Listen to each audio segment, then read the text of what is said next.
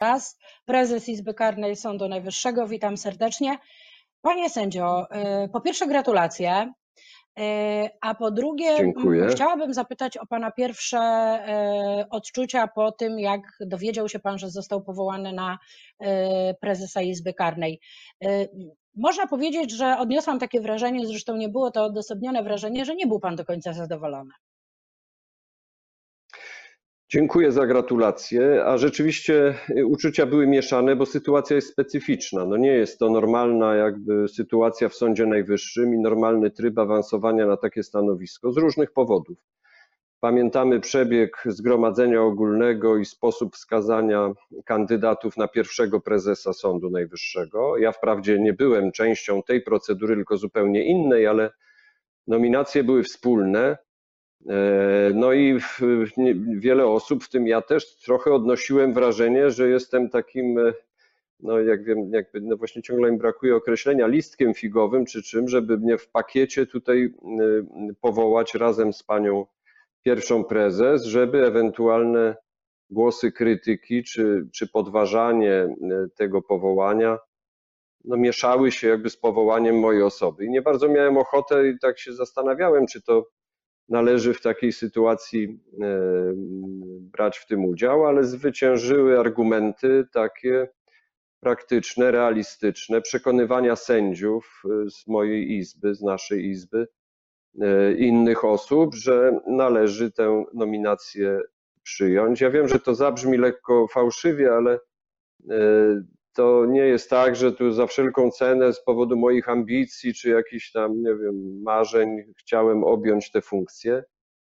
E, to w obecnej sytuacji to jest naprawdę rodzaj ciężaru. Zresztą zawsze funkcje publiczne są ciężarem, e, ale w tej sytuacji no to szczególnie. I moje tam ambicje to już dawno są zaspokojone, więc raczej traktuję to jako, jako zobowiązanie wobec sędziów z Izby Karnej, wobec innych sędziów, wobec prezesów, także tych dwóch prezesów starych izb, którzy ciągle są na posterunku, na swoim stanowisku i w tej trudnej sytuacji starają się no, zachować to, co najważniejsze w Sądzie Najwyższym. No więc jakby mam szansę dołączyć do nich, być głosem w toku obrad kolegium, czy no w ogóle choćby tak zabierać głos jak w tej chwili. Panie sędzio, czy uważa pan, że to był przypadek, że tak jak pan powiedział, poczuł się pan przez chwilę jako listek figowy? Nie wiem, czy przypadek. No te, w momencie, kiedy e, kandydowałem, tak, zgodziłem się na kandydowanie, to było w lutym tego roku. No Sytuacja w Sądzie Najwyższym była inna. Planowane było zgromadzenie jeszcze za czasów prezesury pani prezes Gersdorf. E, no, wydawało mi się zresztą absolutnie nieprawdopodobne, żeby pan, prezy, pan prezydent powołał właśnie mnie z, na, na stanowisko pierwszego na stanowisko nie pierwszego oczywiście, tylko na stanowisko prezesa Izby Karnej. E, no potem wszystko się zaczęło zmieniać, jeszcze w dodatku pojawiła się pandemia, związane z tym problemy organizacyjne i związane z, ze zwołaniem zgromadzenia. No i wszystko razem skończyło się tak, jak się skończyło i powstało pytanie 26 maja, godzić się czy nie. E, I, i no, tak rozstrzygnąłem te, te, ten dylemat i mam nadzieję, że nie będę żałował. E, a czy razem e, odbierał Pan nominację od prezydenta razem z Panią pierwszą prezes Małgorzatą Manowską? Tak, byliśmy razem. Była to jakby dosyć skromna uroczystość, bo tak tradycyjnie w takich sytuacjach zapraszani są wszyscy sędziowie Sądu Najwyższego, zapraszane są rodziny tych, tych nominowanych. No ale z powodu epidemii tego wszystkiego nie było. Także grono było dosyć e, skromne, za to e, powiedziałbym doborowe, bo był tam przewodniczący Krajowej Rady Sądownictwa, była pani prezes e, Trybunału Konstytucyjnego, był pan minister sprawiedliwości, no, byli prezesi tych nowych izb Sądu Najwyższego, ministrowie z kancelarii prezydenta no mam nadzieję, że nikogo nie pominąłem, pan prezes Naczelnego Sądu Administracyjnego i prawie wszystkich już wymieniłem, myślę. Panie sędzia, skoro był tam e, minister sprawiedliwości Zbigniew Ziobro, to była może szansa na to, żebyście wymienili panowie poglądy na temat reformy wymiaru sprawiedliwości? Nie, takiej szansy nie było, aczkolwiek pan minister podszedł do mnie i pogratulował mi z tej, tego stanowiska, objęcia tego stanowiska. Ale w zasadzie no, po tej oficjalnej części, która też była dosyć krótka, no te roz... właściwie nie było prawie takich rozmów, żeby tam, nie wiem, dłużej porozmawiać. To były takie kurtuazyjne, króciutkie gratulacje i na tym uroczystość się skończyła. Panie sędzio, to wróćmy może jeszcze do pierwszej prezes Sądu Najwyższego. Pani Małgorzata Manowska Y, odebrała nominację wraz z panem z rąk prezydenta i, i niemal tuż po tym, a w zasadzie nawet jeszcze przed tym rozpoczęły się komentarze, ruszyły komentarze, że mm, no będzie ten wybór jej na stanowisko, na urząd pierwszego prezesa Sądu Najwyższego podważany. Czy pan słyszy takie głosy w Sądzie Najwyższym?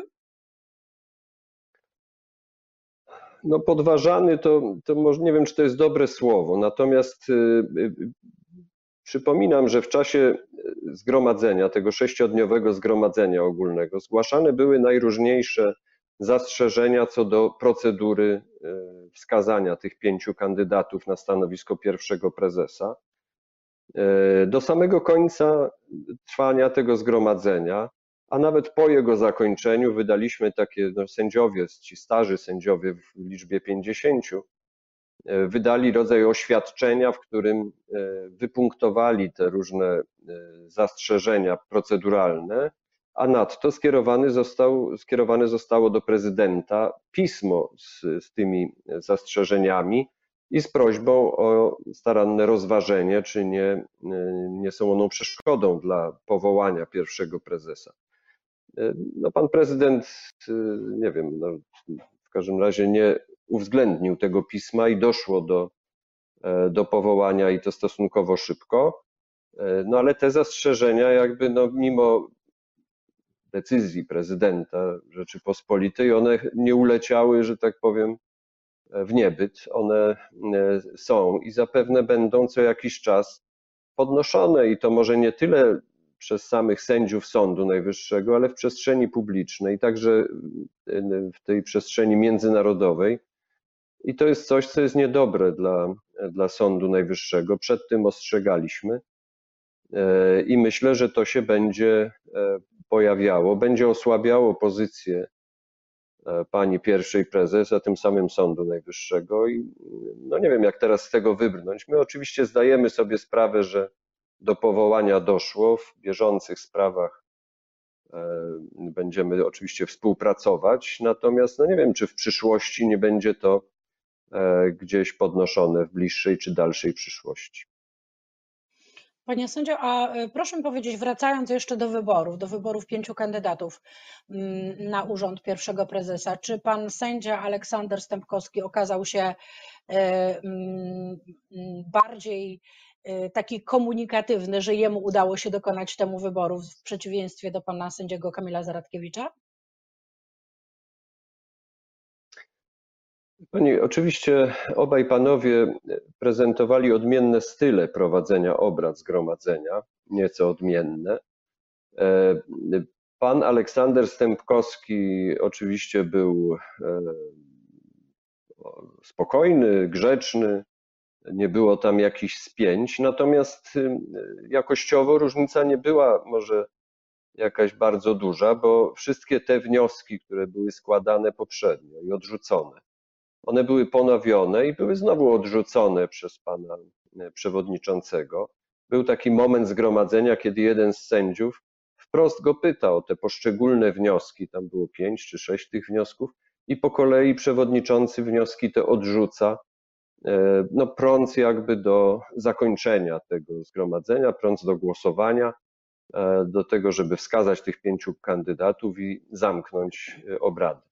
Więc jakiejś wielkiej różnicy nie było, oczywiście poza, poza no, tam takimi ludzkimi różnicami, które były widoczne.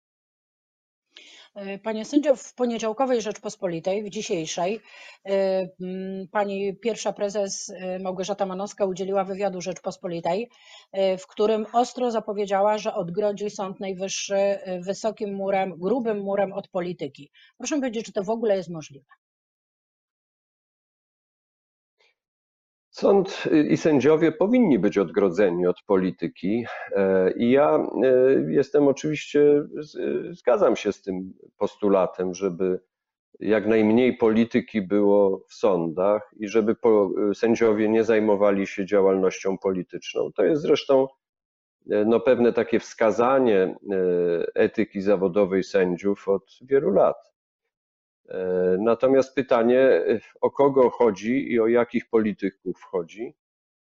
I o jaki mur. I, e, I o jaki mur, tak, bo ja teraz nie wiem, co miała na myśli pani pierwsza prezes, bo wiemy, że e, no, realnie te wpływy były widoczne, są widoczne i, i podkreślane w tej przestrzeni publicznej w odniesieniu do Trybunału Konstytucyjnego. Ja mam nadzieję, że nie będzie tak w odniesieniu do Sądu Najwyższego, ale e, cały szereg decyzji e, podejmowanych w Sądzie Najwyższym no, ma swój wymiar polityczny. Tak? On oczywiście nie wprost, ale e, decyzje w sprawie protestów wyborczych, zatwierdzenia wyborów, czy w niektórych nawet różnych sprawach i karnych, i cywilnych, one oczywiście jakoś zawsze się przekładają na oczekiwania polityczne, na pewne dążenia tej czy innej formacji.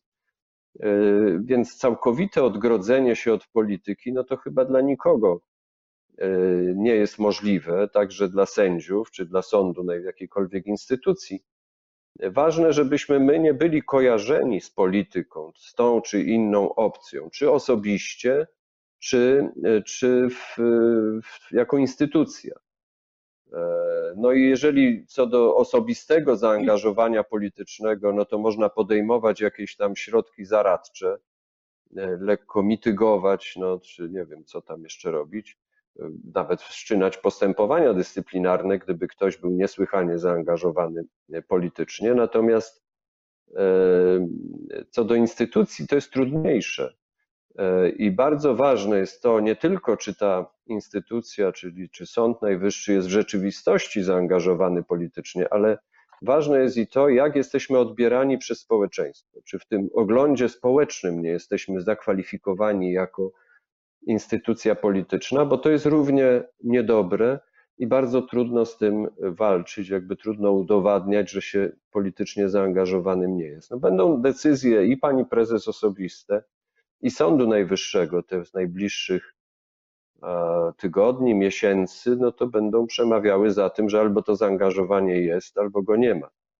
E, natomiast teza, ta ogólna teza przedstawiona przez panią prezes jest oczywiście trafna i tak powinno być, że Sąd Najwyższy jest taki jakby trochę ponad polityką, bo nie powiem poza, no bo przecież każdy z nas ma swoje poglądy, swój światopogląd w ogóle, nie tylko polityczny, tego nie sposób nie sposób y, jakby uniknąć. Natomiast my powinniśmy być ponad. Sędzia nigdy nie powinien y, stwarzać choćby wrażenia, że y, jego poglądy polityczne, jego zaangażowanie jakieś mają wpływ na wydawane decyzje sądowe.